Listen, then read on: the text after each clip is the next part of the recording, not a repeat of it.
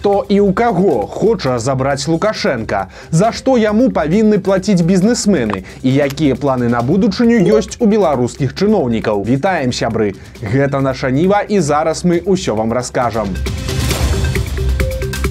плаці каб прадаць сваё альбо нюансы бізнеса ад лукашэнкі. У яго сёння прайшла вялікая нарада па эканоміцы і народу сабралі шмат.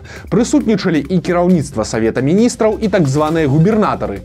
Адно з галоўных пытанняў гэта продаж беларускай маёмасці замежнікам чые краіны лукашэнкаўцы лічаць недружалюбнымі. А гэта цяпер краіны Еўропы ЗША і ўсе іншыя хто асуджае вайну і рэпрэсіі. Напрыклад нейкі амерыканскі бізнесмен мае завод у беларусі і хоча цяпер яго прадаць. Дык што будзе? А нічога добрага. У такім выпадку лукашенко просто адцісне гэты бізнес і ён гэтага не хавае.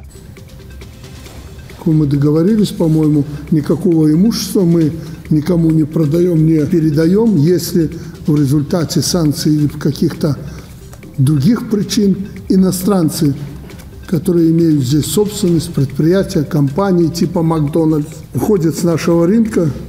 Как я говорил, до свидос мы разберемся сами. Праўда, могуць быць і выключэнні. Па словах Лукашэнкі улады ўсё ж могуць дазволіць замежніку прадаць яго ж уласную маёмасць, але не бясплатна. Каб атрымаць такі дазвол, чалавек будзе павінен сплаціць пэўную суму ў беларускі бюджэт, якую канкрэтна падобна будуць вырашаць у кожным выпадку індывідуальна. Але можна не сумнявацца, што страсуць нямала. Іншага шляху няма. Інакш бізнес просто забяруць. Правительство предлагает проявлять больше гибкости не знаю, сколько тут можно еще нагибаться в вопросах продажи имущества, как я уже сказал, иностранцами из недружественных стран и предусмотреть случаи, когда такое возможно. Невозможно никогда. Я уже об этом только что сказал, забегая вперед. Ну і ў якасці прыклада Лукашенко прывёў Макдональдс. Маўляў, амерыканцы хацелі сысці з Беларусі, але прадаць рэстараны ім не далі. Дзяржава тупа забрала іх сабе. А цяпер улады прададуць рэстараны новаму уласніку і заробяць на гэтым грошай. На думку Лукашэнкі гэта бліскучая схема. Акрамя таго, Лукашенко ўжо звыкла паплакаўся пра санкцыі і эканамічны ціск, а затым пачаў пераконваць прысутных, што Беларусь незалежная і суверэнная дзяржава. Апошняе было звязана з падборкай прэсы прэсы якую прыносяць лукашэнку. Там ён начытаўся сумневаў у незалежнасці беларусі ад рассіі і пачаў расказваць пра гэты на яго думку унікальны саюз дзвюх самастойных краін. Увогуле гэта адбываецца не першы раз і вельмі заўважна як лукашэнку бесіць і раздражняе гэтая тэма. Бо хто хто а сам лукашенко дакладна ведае і разумее ступень сваёй так званай незалежнасці. Акрамя таго лукашенко расказаў як ён бачыць працу замежнага бізнесу ў беларусі. І адразу ж троху папалоху патэнцыйных партнеров партнёраў. Галоўнае, што яго абурае гэта вывад заробленых грошай за межы Беларусі. Лукашенко падкрэслівае, такога быць не павінна ані ў якім выпадку. Усе грошы мусяць заставацца ўнутры краіны. Мы предлагаем иностранцам одни из лучших условий. Преференции, льготы, инфраструктуру, ну, естественно, компетенции. Приходи и работай, но не ради наживы за счет нашего народа, а если кто-то попытается есть механізмы процівадзейства і вразумлення. У перакладзе на чалавечую мову гэта значыць вось што працаваць замежнікам у Беларусі можна, але толькі так, як скажа Лукашенко. Інакш ёсць праверкі, сілавікі і новая сіза ў калядзічах. Пакуль Лукашенко куражыцца перад чыноўнікамі яго абвесцілі прарокам. І гэта, на жаль, не жарт. У апошнім інтэрв'ю пра тэірэй Фёдор Поўны так ухваляў Лукашенко, што вось да чаго дагаварыўся. Всем нам нужно учиться у Александра Григорьевича. Ведь то, что он говорит сегодня, это часто как пророчество. Меня могут упрекнуть в каких-то моментах то, что я сейчас говорю, но его жизненный опыт, его опыт как главы государства, его дар. Этому не научишься. Это можно чувствовать. У шубе у калонію лукашэнкаўскія чыноўнікі рыхтуюцца да сёлетняй амністы і з гэтай нагоды паехалі па калоніях ольга чупрыс намесніца кіраўніка адміністрацыі лукашэнкі цяпер наведала папраўчую калонію нумар 4 у гомелі там утрымліваюцца зняволеныя жанчыны сярод якіх нямала і палітычных у тым ліку марыя калеснікава і марына золотова. Праўда падчас свайго візіту пра палітвязняў чупрыс не згадвала затое актыўна расхваливала лукашэнку. Колькі яго асобы прымае ўжо зусім дзікія формы бо чыноўніца цяпер прывезла салодкія падарункі ад лукашэнкі для дзяцей зняволеных жанчын і расказала як ён пра тых дзяцей хвалюецца але асабліва звярнуў на сябе увагу стыль вольгі чупрыс Па калоніі яна разгульвала ў раскошнай шубе. Дарэчы, чыноўніцы за кратамі ну вельмі спадабалася. Чупрыс нават паведаміла, што умовы там на ўзроўні хатніх забароніць выезд з беларусі альбо спросцяць у яе уезд мінэканомікі апублікавала праект нацыянальнай стратэгіі устойлівага развіцця да сороквога года. Прасцей кажучы гэта аптымістычныя планы чыноўнікаў на бліжэйшыя 17 гадоў. Так напрыклад яны збіраюцца развіваць рэгіёны займацца тэхналагічнай незалежнасцю укараняць штучны інтэлект ва ўсе сферы жыцця і гэтак далей. Непакоіць улады і дэмаграфічнае пытанне бо па ім цяпер моцна б'е і нізкая нараджальнасць і масавая эміграцыя беларус беларусаў гэта прызнаецца і ў дакуменце там чыноўнікі прыдумалі вось што. Па-першае яны хочуць завабліваць у Беларусь замежнікаў цытата з краін духовна і культурна звязаных з нашай падобна што гаворка тут ідзе пра расіян. А па-другое яны плануюць спыніць адток беларусаў за мяжу. Праўда якім чынам пакуль не кажуць. І тут ёсць адзін трывожны званочак. Для рэгулявання міграцыі плануюцца змены ў заканадаўстве якія закрануць уезд у Беларусь і вы з яе. Але зноў жа за закрануць тыя змены замежнікаў альбо беларусаў дакладнай інфармацыі пакуль няма адбыўся фінал працяглай і заблытанай крымінальнай гісторыі. Яшчэ ў 2010 годзе ў адной з вёсак ельскага раёна забілі яе апошняга жыхара, немаладога пчаляра. Усе яго хата была ў крыві. Таксама з хаты знікла крыху больш за тысячу даляраў. Падазраванага знайшлі на наступны дзень. Ім аказаўся 17гадовы праблемны падлетак суседняга аграгарадка.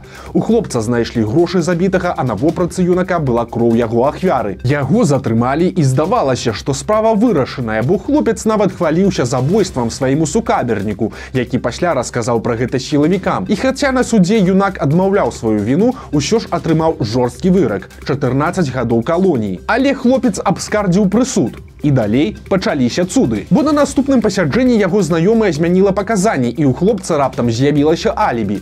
Сукамернік раптам заявіў што агавары хлопца а паняты які прысутнічаў на вопшуку у доме забойцы прызнаўся што на свае вочы не бачыў як ідзе міліцыя знайшла у падазраванага грошы і акрываўленую вопратку. У выніку справа развалілася. Юнака апраўдалі і адпусцілі на волю. Але гэта быў далёка не канец гісторыі. Ужо праз чатыры гады яго ўсё ж пасадзілі але за іншае жудаснае злачынства. Хлопец, які ўжо стаў дарослым мужчынам, паспрабаваў згвалтаваць малое дзіця, за што атрымаў 10 гадоў калоніі. І пакуль ён сядзеў, следчыя зноў заняліся справай пра старое забойства і раскрылі яго. Прычым хлопца падвяла любоў да эпісталярнага жанру, прасцей кажучы да перапіскі з блізкімі. Аказалася, што праз столькі гадоў бацькі падазраванага ўсё яшчэ захоўвалі яго лісты з турмы, агулам каля 500 штук. А ў тых лістах забойца прасіў бацькоў паўплываць на сведкаў, каб тыя далі ілжывыя паказанні. Паступова загаварылі і іншыя знаёмыя гэтай сям'і. Таксама знайшліся лісты, дзе хлопец прызнаваўся ў сваіх фантазіях наконт дзяцей і нават адшукаліся нататкі, дзе ён сам распісаў, як забіў таго няшчаснага пчаляра. Акрамя таго аказалася, што ў 13 годзе хлопец згвалтаваў 9гадовую дзяўчынку, але тады пазбег адказнасці. Бо малая расказала бацькам, але не паведаміла ўсёй праўды і сям'я вырашыла не звяртацца ў міліцыю. Новы суд прайшоў у восені 23 года года. На ім забойцу прызналі вінаватым і прысудзілі 20 гадоў калоніі.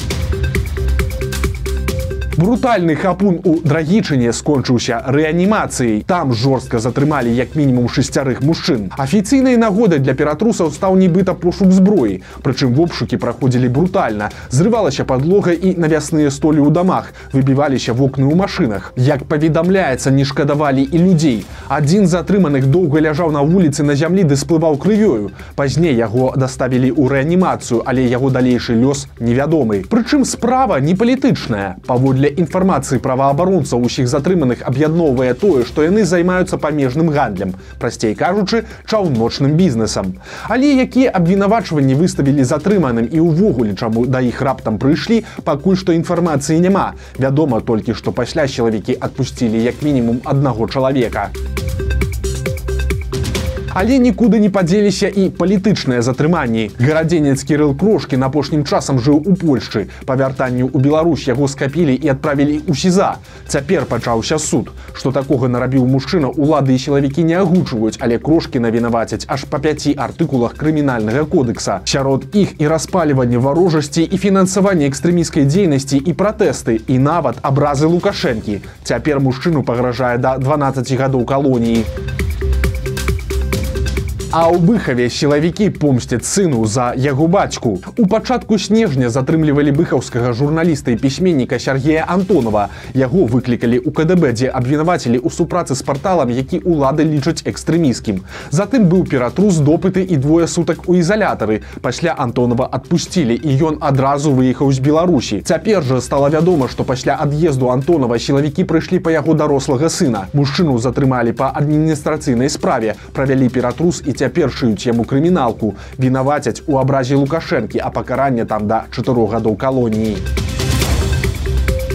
У баранавічах невядомы ловіць і забівае катоў. Мясцовая актывістка б'е трывогу. За апошнія месяцы знайшлі ўжо некалькі забітых жывёлаў, прычым над імі яшчэ і жорстка здзекваліся. Былі сляды збіцця, а ў аднаго ката не было вачэй. Жанчына ўжо звярталася ў міліцыю, але вычварэнца пакуль не адшукалі. Калі яго знойдуць, то максімальнае пакаранне, якое пагражае за такія дзеянні, гэта да трох гадоў за кратамі. А ў гродзенскім зоапарку адсвяткавалі незвычайны дзень народзінаў Машы і Лёшы. Калі што, гэта такія імёны носяць мясцовыя медзведзяняты. Дакладнай даты іх нараджэння ў зоапарку не ведаюць, але па падліках спецыялістаў яны з'явіліся на свет летась недзе ў сярэдзіне студзеня. Таму і было вырашана адсвяткаваць дзень нараджэння гадаванцаў. Супрацоўнікі зоапарка нават сваімі рукамі зрабілі медзведзянятам салодкі падарунак. Торт, куды паклалі белы хлеб, тварог і печыва, а ў якасці начынкі дадалі мёд і згушчонку. Зверху торт упрыгожылі цукатамі, разынкамі, зефірам, мандарынамі, пернікамі і глазураванымі сыркамі. Тых, хто хвалюецца ці не нашкодзіць салодкае медведзем, супрацоўнікі зоапарку супакойваюць. Раз на год можна. Дактары папярэджваюць беларусаў. У бліжэйшыя часы будзе няпроста. Зараз у краіне адзначаецца сумесная цыркуляцыя адразу некалькіх сезонных вірусаў. Гэта і грыб, і кавід і звычайныя УРВ. Прычым больш за палову хворых гэта дзеці. У найбліжэйшыя тыдні чакаецца яшчэ і пад'ём захворванняў на вострыя рэспіраторныя інфекцыі. Таму беражыце сябе і сваё здароўе. Вось такія навіны чацвярга. Подписывайтесь на канал, ставьте лайки альбо дизлайки и выказывайте заўвагі ў каментарах. І канешне, чытайце нашу ніву, глядзіце нашу ніву і любіце Беларусь. Да сустрэчы заўтра.